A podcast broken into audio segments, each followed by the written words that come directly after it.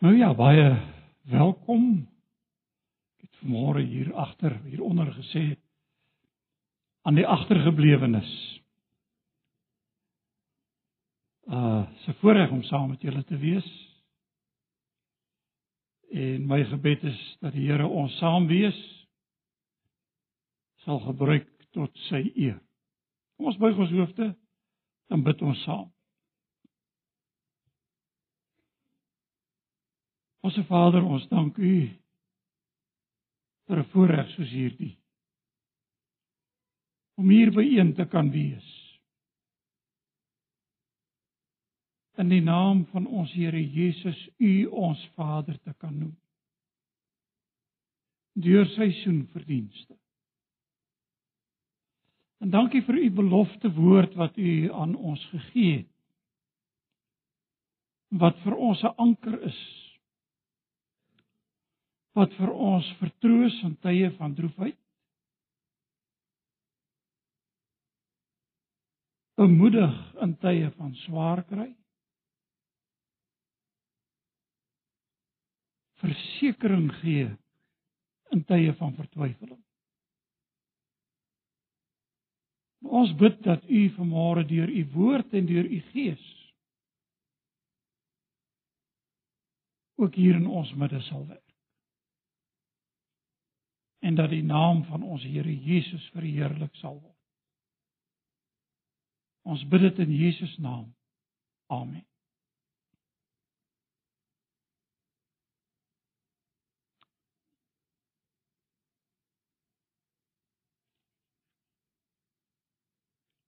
Nou ons gaan voort met Romeine. En uh Ons kom vandag by Romeine hoofstuk 8.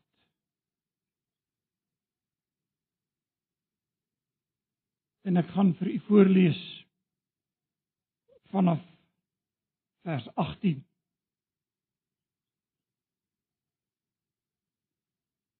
Romeine 8 vanaf vers 18. Ek lees voor uit die multivertaling wat gebaseer is op die 83 vertaling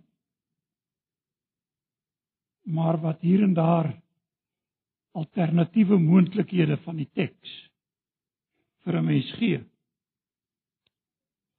Nou nadat die apostel Paulus en ons het 2 weke terug daarby stil gestaan verduidelik het wat dit beteken om deur die gees te lewe en hy voor die wonder van hierdie waarheid te staan gekom het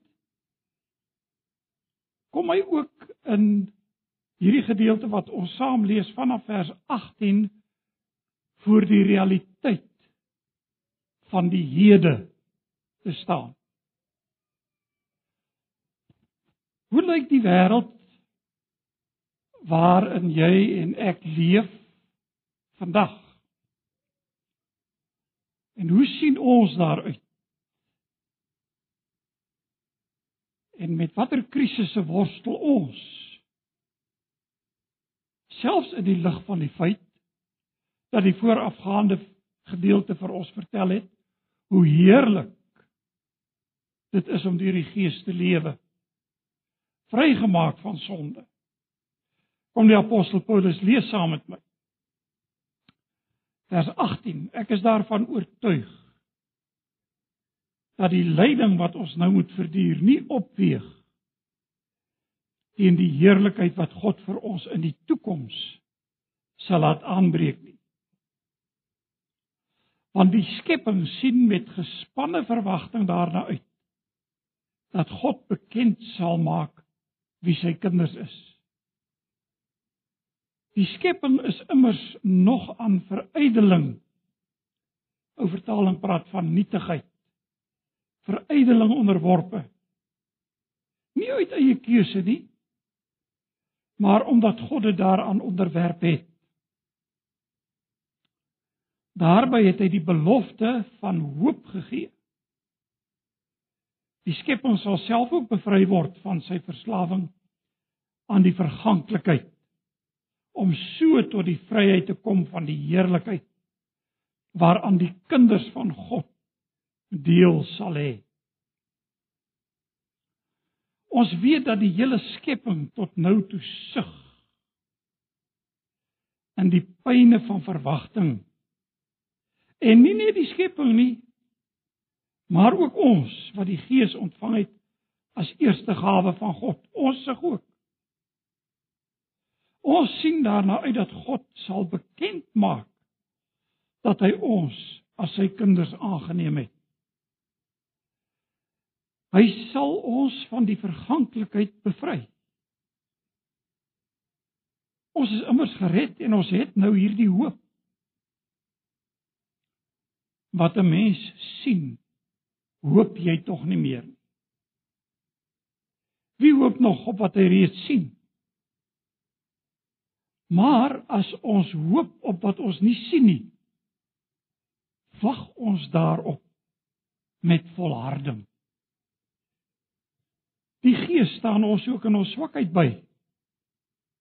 Ons weet nie ons behoort te bid nie, maar die Gees self pleit vir ons met versigtings wat nie met woorde gesê kan word nie. En God wat die harte deurgrond weet wat die bedoeling van die Gees is want hy die Gees pleit volgens die wil van God vir die gelowiges. Ons weet dat God alles ten goeie laat meewerk vir die wat hom liefhet, die wat volgens sy besluit geroep is. Want die wat hy lank tevore verkies het, het hy ook bestem om gelykvormig te wees aan die beeld van sy seun, sodat sy seun baie broers kan hê van wie hy die eerste is. Die wat hy daartoe bestem het, het hy ook geroep, en die wat hy geroep het, het hy ook vrygespreek. En die wat hy vrygespreek het, die wat hy geroep het, het hy ook vrygespreek. En die wat hy vrygespreek het, het hy ook verheerlik. En dan daarna volg die oorwinningslied. Nou ek raak nou versigtig om dit nou ook te lees. Kom ons kyk hoe ver kom ons met hierdie gedeelte en dan kan ons aangaan as die tyd ons toelaat. Vir my is is hierdie gedeelte wat ons saam gelees het. Uh, uh, ek weet 'n mens mag nou seker nie gunsteling gedeelte sê nie, want alles is die woord van God, so bely ons. Maar ek is nou besonder lief vir hierdie gedeeltjie wat ons saam gelees gelees het. En ek dink die rede daarvoor is voor die hand liggend. want ons almal leef in 'n gebroke wêreld. Met sy hartseer en sy pyn en sy vertwyfeling, sy teëspoede wat ook oor ons pad kom. En nou kom die apostel Paulus nadat hy gepraat het oor hierdie die wonder van die lewe deur die Gees. En hy is realiteit realisties genoeg om te sê nadat hy afgesluit het in in in vers 17 van hoofstuk 8 omdat ons kinders is is ons erfgename ons is erfgename van God erfgename saam met Christus. Aangesien ons deel het aan sy lyding sal ons ook deel het aan sy heerlikheid.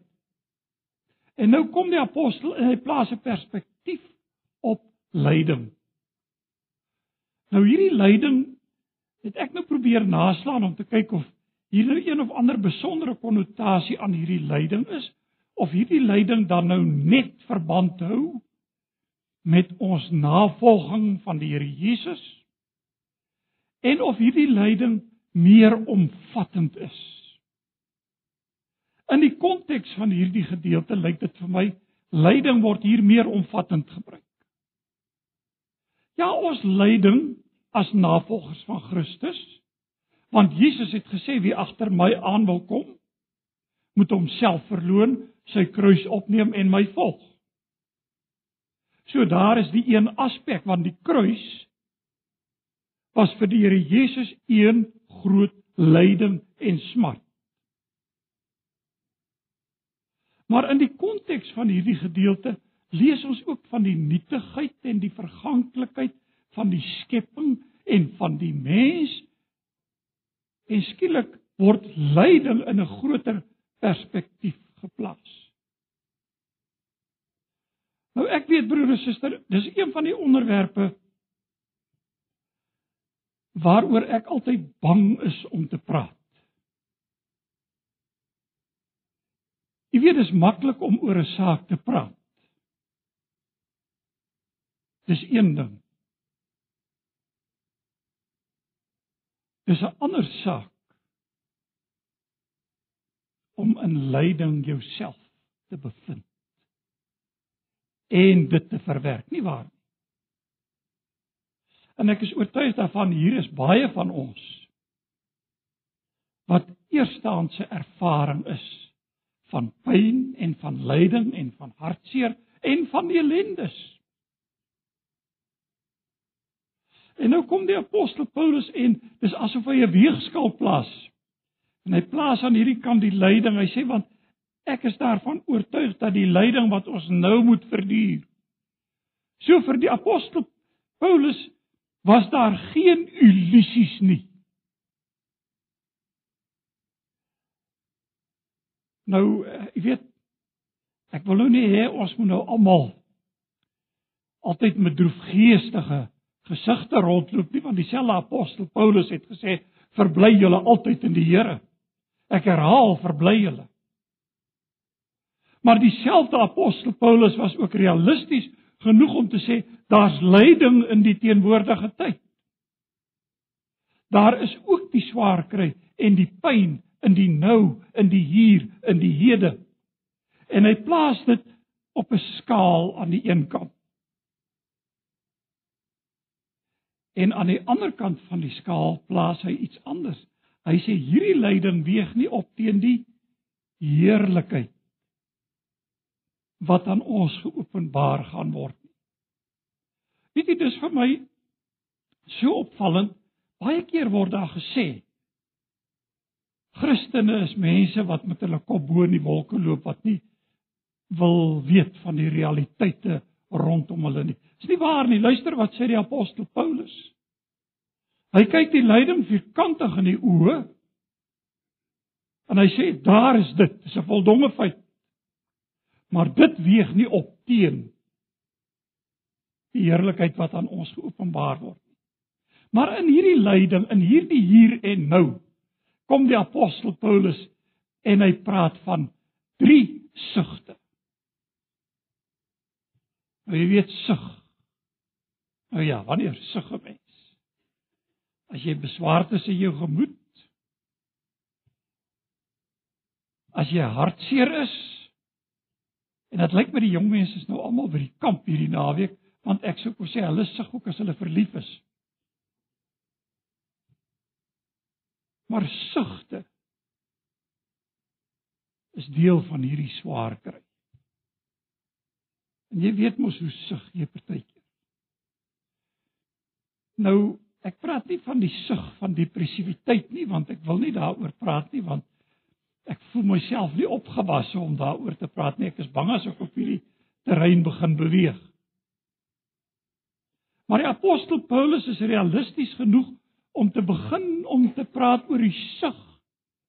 En weet jy, hier is vir my die mooi van hierdie gedeelte van die skepping.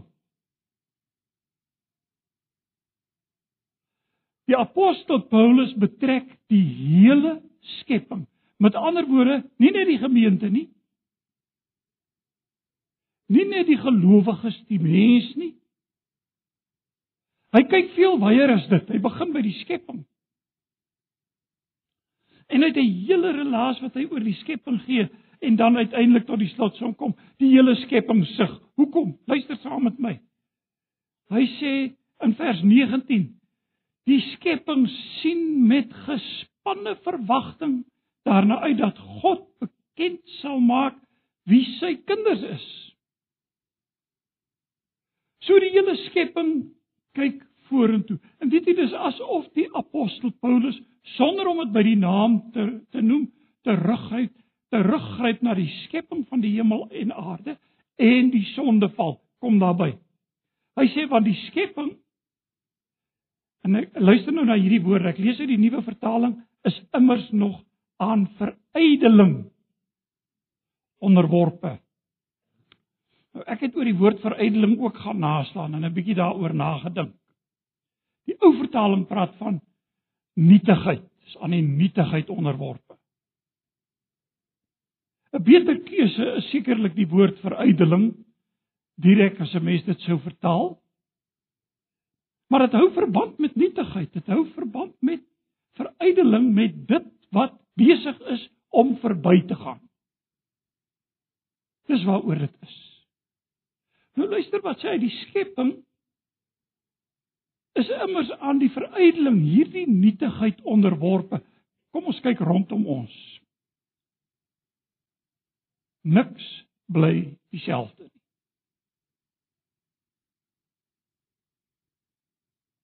Dit wat ons sien gaan verby.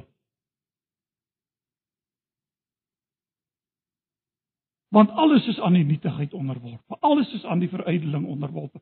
Worpe. Die hele skepping toe die sondeval plaasgevind het, wat het God gesê? Hy het Eva bestraf.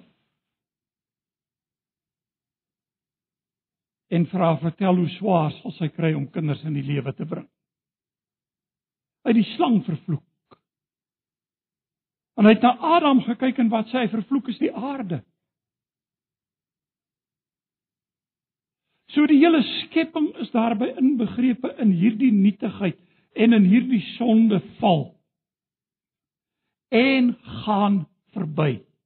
En nou sê die skrif vir ons is aan die nietigheid onderworpe nie uit eie keuse nie.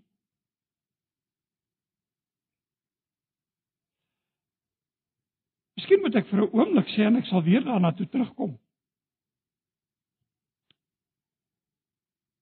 Uh ek het nou al baie gesegdes gehoor, jy weet nou dat 'n mens self nou ouer begin word.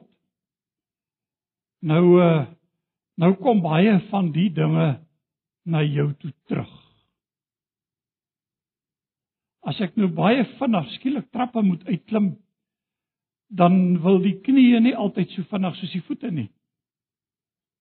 En dan dink ek aan my ma wat altyd gesê het: Wag tot jy ouer word. Dan sal jy sien wat ek bedoel. En nou is dit my beurt om vir my kinders te sê, wag tot jy ouer word. Nie gewilliglik nie. En dit geld die ganse skepping. Maar ter wille luister na die woorde. Maar ter wille van hom wat dit onderwerp het. So dit was in God se plan. So God het dit so bepaal. En daar is by die apostel geen illusie as hy na die ganse skepping kyk nie en hy die ganse skepping betrek nie. En weet u, as 'n mens oor die heil praat, as 'n mens oor die ewige lewe praat, as 'n mens oor die ewige heerlikheid saam met God in sy teenwoordigheid praat, moet ons die skepping daarbey betrek. Miskien praat ek nou vreemde taal. Maar dis wat die Bybel sê.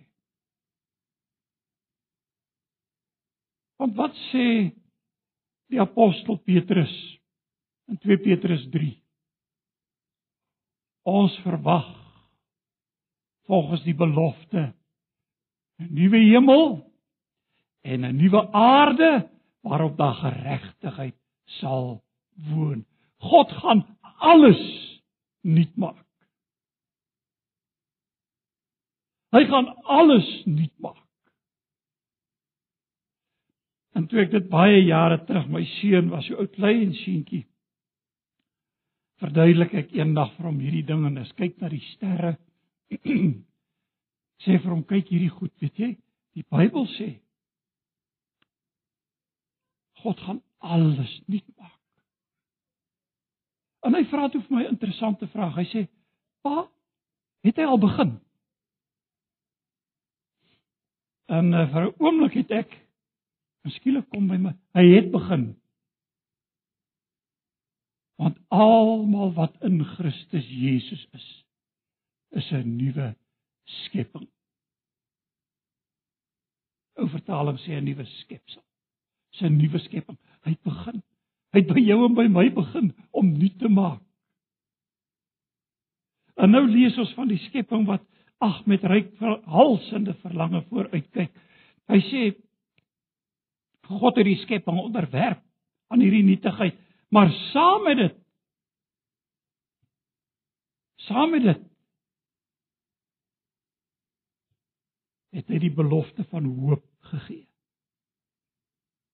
Wat is hierdie belofte? Die skepping sal self ook bevry word van sy verslawing aan die verganklikheid. Dis vir my van die mooiste gedeeltes wat ek aan kan dink. Broer en suster, is julle lief vir die natuur? Meeste mense is vir die mooi van die skepping. Ons het 'n besondere ervaring baie jare terug gehad. Getoer met die kinders nog in die huis. En uh toe vertel en daar by by uh, van Verliersdorp se kant af na na Franshoek. Jy daar oor die pas kom en jy daar die Franshoek vallei sien. Wat so asemrowend mooi is, was so mooi. Toe vertel iemand vir my hoe dat hulle daar gestaan het. En gekyk het. En dit bewonder het. En hier was mense langs hulle en hier beduie hulle vir 'n kind wat hulle sien. Want die kind was blind. Sy sê almal het met betraande oë daar gestaan. Voor die mooi voor die asemrowende werke van God se hande. Gaan wonder dat Calvin gesê het as ons na die skepping kyk, die natuur is die vingerafdrukke van God se handewerk. En ek is een van die ouens wat baie lief is vir die wildtuin. En gelukkig praat die praat die Bybel van dan wy die wolf by die lam nie. Ken mos die gedeelte. So lyk vir my die wildtuin sal daar wees. Maar hy sê die hele skepping sal self ook bevry word van sy verslawing aan aan die verganklikheid om so om te kom tot om so tot die vryheid te kom van die heerlikheid waaraan die kinders van God deel sal hê. En dan sê hy ek wil dit vir u lees dat u werklik die die dringendheid van Paulus se woorde kan hoor in die nuwe die die multivertaling het 'n pragtige alternatiewe vertaling daar gestel wat nie regtig alternatief is nie. Behalwe dat hy hy uh, hy noem die ding by die naam. Luister hoe stel hy dit. Ons weet tog dat die hele skepping tot die hele skepping saam en luister nou hier kreun en saam kraam pyne het tot nou toe. Dis letterlik wat daar staan. Met ander woorde daardie verwagtende moeder wat in daardie verskrikking van die kraampyne vasgevang is het die vooruitsig om binnekort 'n pragtige ou babatjie in die arms te kan vashou. En dis die beeld wat die apostel Paulus hier gebruik. Die hele skepping sê hy is in kraampyne. Want dit wat ons nou sien, dit wat ons nou beleef, is onderworpe aan die nietigheid, aan die verganklikheid, aan verydeling. Dis die woorde wat gebruik word. Dit gaan verby, dit gaan tot niet. Maar daar is hoop dat die ganse skepping ook vrygemaak sal word van hierdie verganklikheid. Weet jy, dis een van die dinge wat dit vir my so wonderlik maak om net hierdie hierdie versekering te hê. Te midde van al die dinge wat nou gebeur, ons hoor van aardverwarming en ons hoor van die verskriklike uh dinge wat in Sirië gebeur met met die seniegas en die oorlogvoering daar wat gebruik word en alles. En dan dink jy as ek so kyk dan lyk dit vir my so of ons as mense besig is om hierdie skepping te vernietig. Ons sit maar 'n hand by.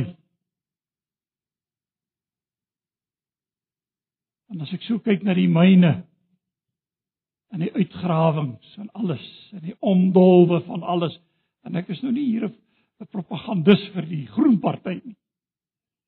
Maar al wat ek sê is hierdie goed gaan verby. God gaan alles nuut maak. Natuurlik het ek nog steeds 'n verantwoordelikheid om ook teenoor die skepping dit as deel van God se handewerk te hanteer. En as Paulus gesê die skepping sug, die hele skepping sug. Dis 'n kraampyne, dan stop hy nie daar nie.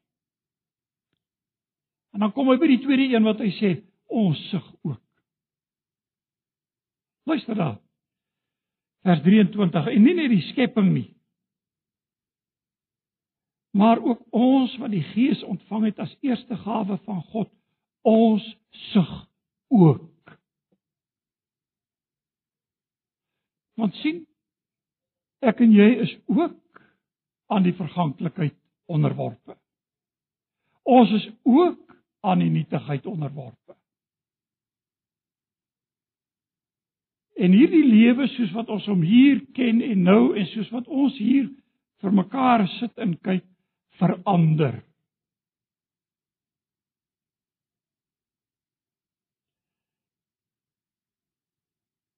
En ons hou nie altyd daarvan om daaroor te praat nie. Maar die dag sal kom dat jou en my plek hier leeg word as die Here vertoep om te kom. Want ons is ook aan hierdie nietigheid, ook aan hierdie verganklikheid onderworpe. Maar weet jy die apostel Paulus begin met hierdie saak vir my so treffend as hy nou dink aan ons verganklikheid en aan eh, verganklikheid en aan ons nietigheid. En ag hoe probeer ons dit nie teewerk nie, weet as ek nou so handvol pille drink en ek gooi dit so in my mond dan sê ek, "Jep, wat 'n mens nie sal doen om 'n bietjie langer op hierdie ou aarde te leef nie, né?" Nee.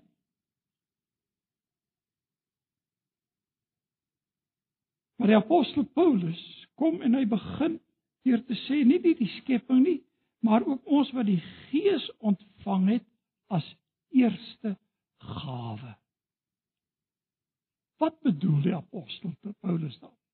God het aan ons sy Gees gegee. Onthou, in hoofstuk 8 het hy gepraat oor die wandel deur die Gees.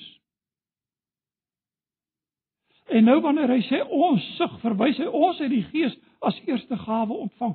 Wat bedoel hy daarmee? U sien, eersteling gawe staan in verband met die eerste gerwe van die oes in die Ou Testament wat ingebring is. En waarvoor staan die eerste gerwe van die oes? Die eerste gerwe van die oes staan vir 'n waarborg dat die res van die oes ingebring sal word. En weet jy God gee aan ons sy gees as waarborg.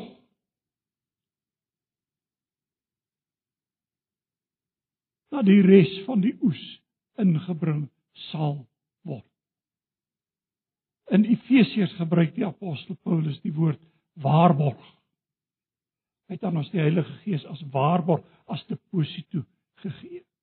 Hier word die term eersteling gawe gebring.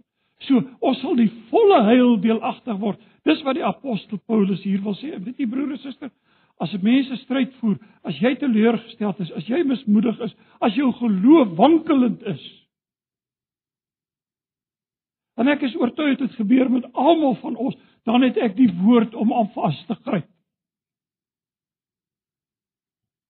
Dan het ek die Bybel voor my, dan kom ek hier voor Romeine 8 en ek lees dit en ek kan net sê dankie Here, ek aanvaar dit in geloof, ek het niks anders waaraan ek kan vashou nie as u belofte woord. Broer en suster, ek is in my hart oortuig dit is met almal van ons presies dieselfde, want u sien ons sug almal. Ons sug ook in die swaar kry. Ons sug ook in die lyding. En wat sê die apostel? Hy sê ag, Hy sê ons sien daarna uit dat God bekend sal maak dat hy ons as sy kinders aangeneem het, sê die nuwe vertaling. Wat bedoel hy? Is ons dan nie nou kinders van God nie? Natuurlik is ons kinders van God. Maar daardie dag sal God openlik wys. Hierdie is my eiendom. Hierdie is my kinders. Jy sien, die lyding van die teenwoordige tyd kan nie opweeg teen die heerlikheid wat aan ons geopenbaar sal word nie. En natuurlik kyk ons die lyding van die teenwoordigheid uit in die oë, ons kan nie anders nie. Ons kan dit nie ontvlug nie. Maar iemand het dit eendag treffend gestel. God leer vir ons om anders daarna te kyk as wat die wêreld daarna kyk. Want as die wêreld daarna kyk, is dit 'n hopelose sinloosheid van lewe en tot niet gaan en die einde van alles. Maar hy het sy gees aan ons as eerste gawe gegee. Hy sal bekend maak. En weet jy wat? Hy sal ons van die verganklikheid bevry. Daar kom die dag wanneer hierdie verganklike met onverganklikheid bekleë sal word. Die laaste vyand sê die apostel Paulus by geleentheid is die dood. En die sal ons nie ontglip nie. Natuurlik sal ons dit graag wil ontvlug. Dit sal wonderlik wees as die Here Jesus vandag kom en onmiddellik sê hy ons sal in 'n oogwink verander word die wat in die lewe is. Maar weet jy die apostel Paulus is nie onverskillig oor die liggaam nie. U sien, die Griekse filosofie het nogal die denkwyse gehad dat die liggaam is 'n kerker, 'n gevangenis wat die gees van die mens gevange hou. En nou vir die mens om bevry te word, sterf die mens en dan word die gees nou van hierdie verganklikheid, hierdie liggaam bevry. En onthou jy daar op die Areopagus toe Paulus sy rede lewer en hy praat van die opstanding uit die dode toe begin hulle vir hom lag. Want vir die Grieke was dit daarom ondenkbaar. As die liggaam opstaan, dan beteken dit is die gees weer van voor af gevang. Wie sê die apostel Paulus? Ons glo ook in die opstanding van die liggaam. Nou broer en suster, hier is ons voor 'n groot verborgenheid. Kom ons voor 'n groot verborgenheid te staan. Want die Bybel sê as ons ons oë hier sluit, is ons by die Here. Maar gaan lees weer 1 Korintiërs 15. Hy praat ook van 'n opstanding.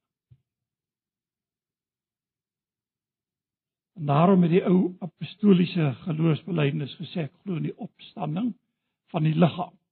Ek sou dit graag wou verwoord te sê glo in die opstanding van 'n verheerlikte liggaam.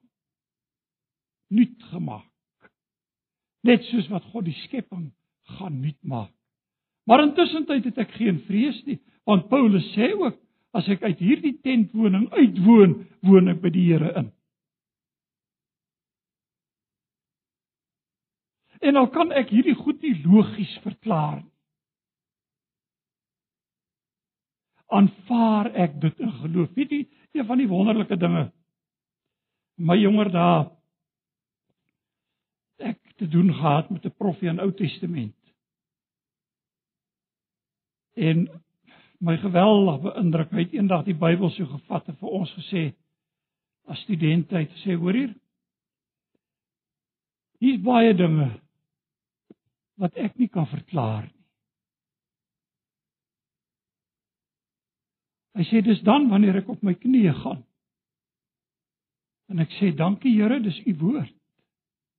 Help my om dit in geloof te aanvaar.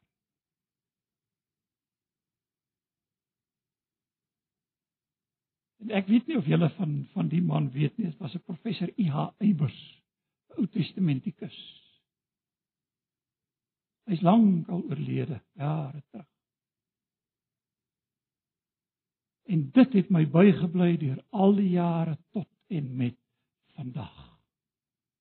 En as ek voor hierdie verborgenhede te staan kom, dan ervaar ek wat die skrif sê. Ek gaan op my knieë en ek sê Here, help my om dit in geloof te aanvaar. Dis u woord. Want ook ons is aan die verganklikheid onderworpe. Die hare word gryser of minder. En die dames kan daarom nog so 'n bietjie wegsteek vir 'n tyd lank. Maar die plooie die kom en die skete die kom en alles verganklik. Maar wat sê die apostel Paulus? Ons is gered in hoop. Johannes het vanoggend dit hier genoem. Is gered in hoop. Hy het gepraat van hoop, geloof, hoop, liefde. En die Bybelse hoop is 'n sekerheid. Nou sê Paulus, as jy op iets hoop en jy sien dit, dan hoop jy mos nou nie meer daarop nie.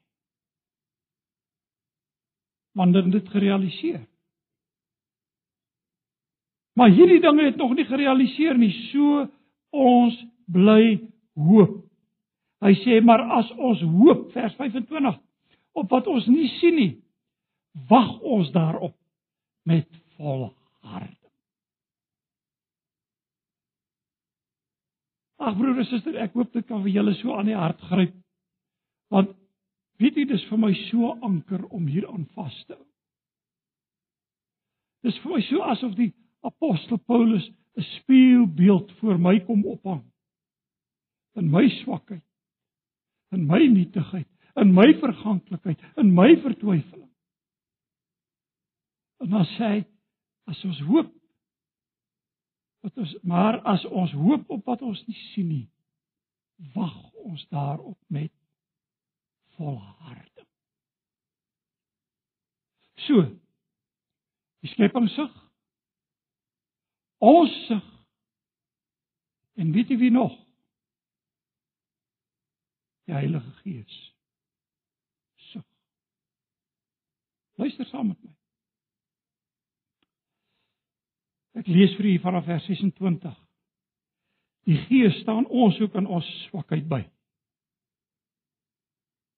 Ons weet nie wat en hoe ons behoort te bid nie. Maar die Gees self pleit vir ons met versigtinge. Ou vertaling praat van onuitspreeklike sigtinge. Met versigtinge wat nie met woorde gesê word nie. Ag weet jy, ek ek weet nie vir julle nie. Ek doen nou vreeslik baie belydenis hier. Ek dink julle moet ook 'n kans kry om 'n bietjie belydenis te doen. Want want ek dink ek is die treurigste van almal. Maar weet jy baie keer as ek op my knieë ek sit daar op my stoel in die studeerkamer of ek sit daar op die bed en ek bid. Dan sê ek, Here, ek weet nie wat om te bid nie.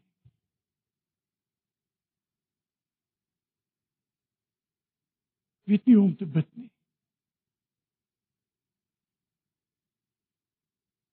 En ek raak so vreesbevange dat my gebed dalk net 'n gesprek met myself is. Hoor julle wat ek sê?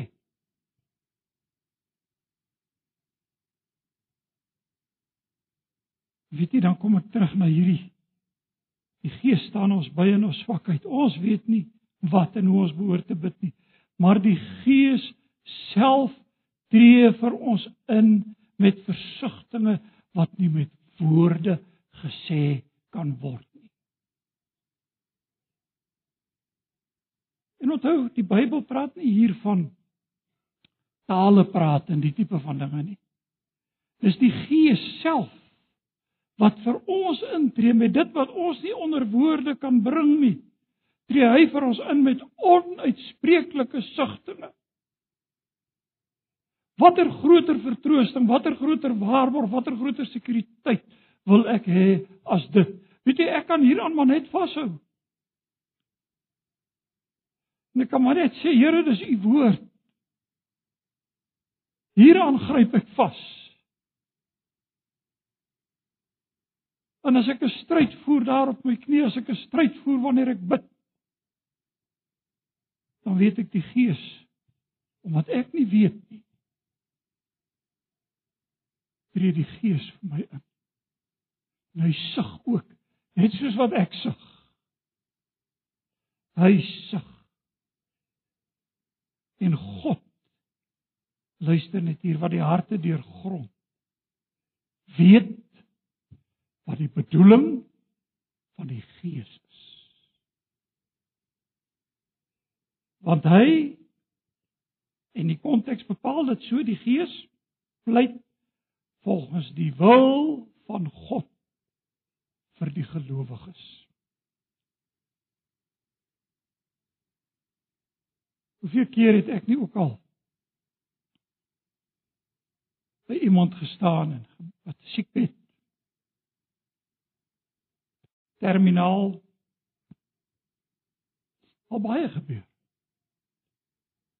En nou weet ek nie om te bid nie.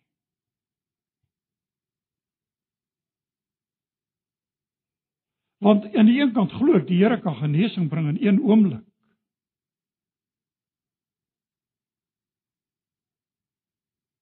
Aan die ander kant weet ek hierdie tydelike moet met die ewige verwissel word. Dit geld almal van ons. En ag ons het vrymoedigheid om vir mekaar te bid en laat ons voortgaan om vir mekaar te bid. En die Bybel sê dat die wat siek is bid vir hulle. Dat hulle die ouderlinge van die gemeente inroep. Bid vir hulle. En ek dink dis reg, ons moet bid. Maar intussen tyd weet ek dat in die gebrokenheid van my gebed en in die gebrokenheid van my woorde en in die gebrokenheid van my denke tree die Gees in. Want hy weet wat die wil van God is.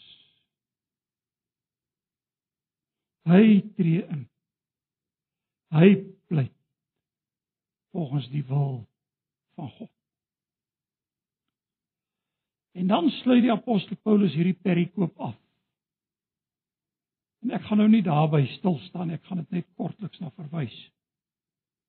Die apostel Paulus sê dan uiteindelik ons weet en ag graag haal ons nie hierdie ou teksie aan nie. En dis die waarborg wat hy wil gee vir al hierdie sugte. Die skepping wat sug. Ons wat sug. Die Gees wat vir ons intree met en onuitspreeklike sugte. Sê hy ons weet dat God alles ten goeie laat meewerk vir die wat hom liefhet.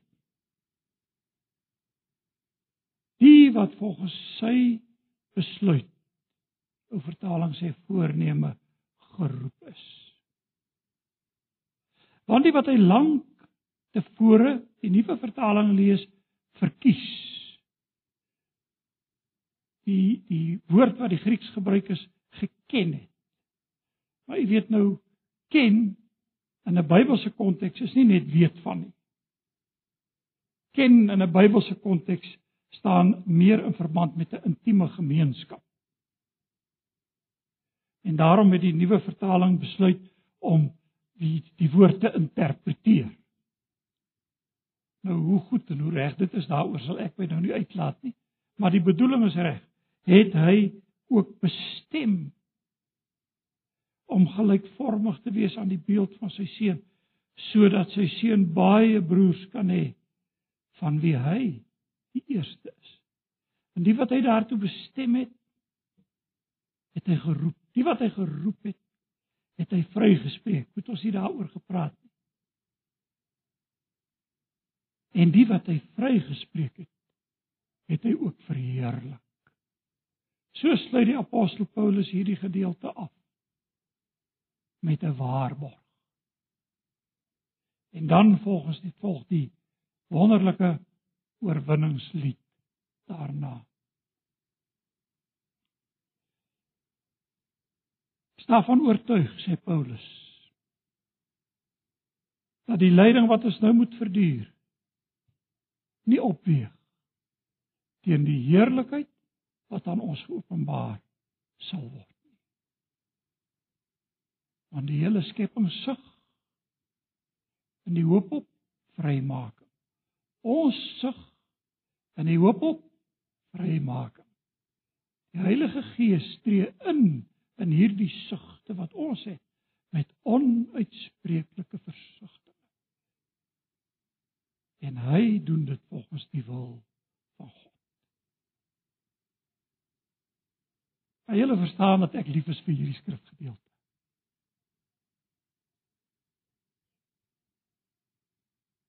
Gryp daarna terug. As die hartseer jou oorval of die vertwyfeling jou oorval of die onsekerheid vir jou vasgryp. Gryp terug. Jy het 'n woord om op te staan. Dit vanmôre teenoor iemand genoem, God het ons sy woord gegee. En die woord bly ewig waar. Wat sou ons dan ooit laat bewe? Selfs in allergroot gevaar. Ons buig ons hoofde in gebed. Here ons dankie vir hierdie oomblikke so saam. Vir die wonderlike vertroosting uit u woord. En ons kom as gemeente vanmôre om dit vir onsself toe te eien en vir u te sê dankie Here. U sê dit vanmôre vir ons groepie hier wat saamgekom het om te aanbid. Bevestig dit aan ons deur die werk van u Heilige Gees. In Jesus naam.